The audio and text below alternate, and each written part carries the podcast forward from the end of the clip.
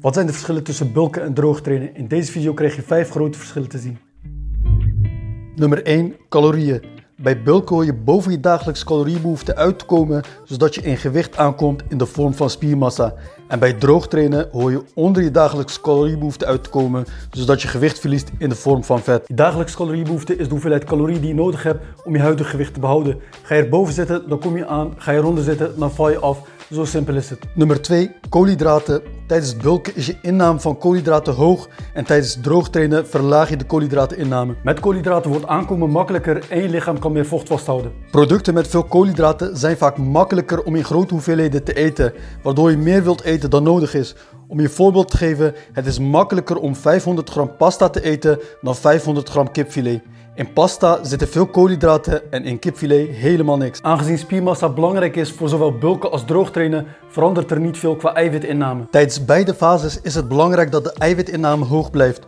Om als sporter in krachttraining opgebouwde spiermassa te behouden en meer spiermassa te kunnen opbouwen, is het aan te raden om 2 gram eiwitten per kilo lichaamsgewicht dagelijks binnen te krijgen. Als je lichamelijk trouwens in je dagelijks leven erg actief bent, dan kun je ook droog trainen met behoorlijk wat koolhydraten, omdat je die toch gaat verbranden.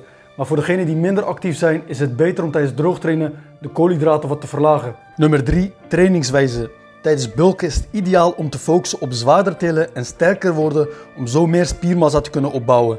Tijdens het droogtrainen is ideaal om te focussen op meer herhalingen en genoeg spanning wekken voor extra spierdefinitie en vooral om niet je spiermassa te verliezen in het proces. Ook ben je met een lager vetpercentage en minder energie in je lichaam gevoeliger voor blessures en is het daarom niet verstandig om met maximale gewichten te trainen. Dit betekent niet dat je licht gaat trainen, maar je wekt de nodige spanning door te werken met gewichten die op 70 tot 80 procent van je max zitten en pak er wat meer herhalingen mee. Tijdens het droogtrainen is het erg lastig om te groeien in spiermassa omdat je met een calorietekort aan het werken bent. Nummer 4. Outfit-illusie.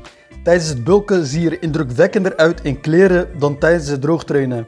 Maar tijdens het droogtrainen zie je er indrukwekkender uit zonder kleren dan tijdens het bulken. Tijdens het bulken zijn je spieren volgeladen en is dat zelfs door een dikke wintertrui heet te zien.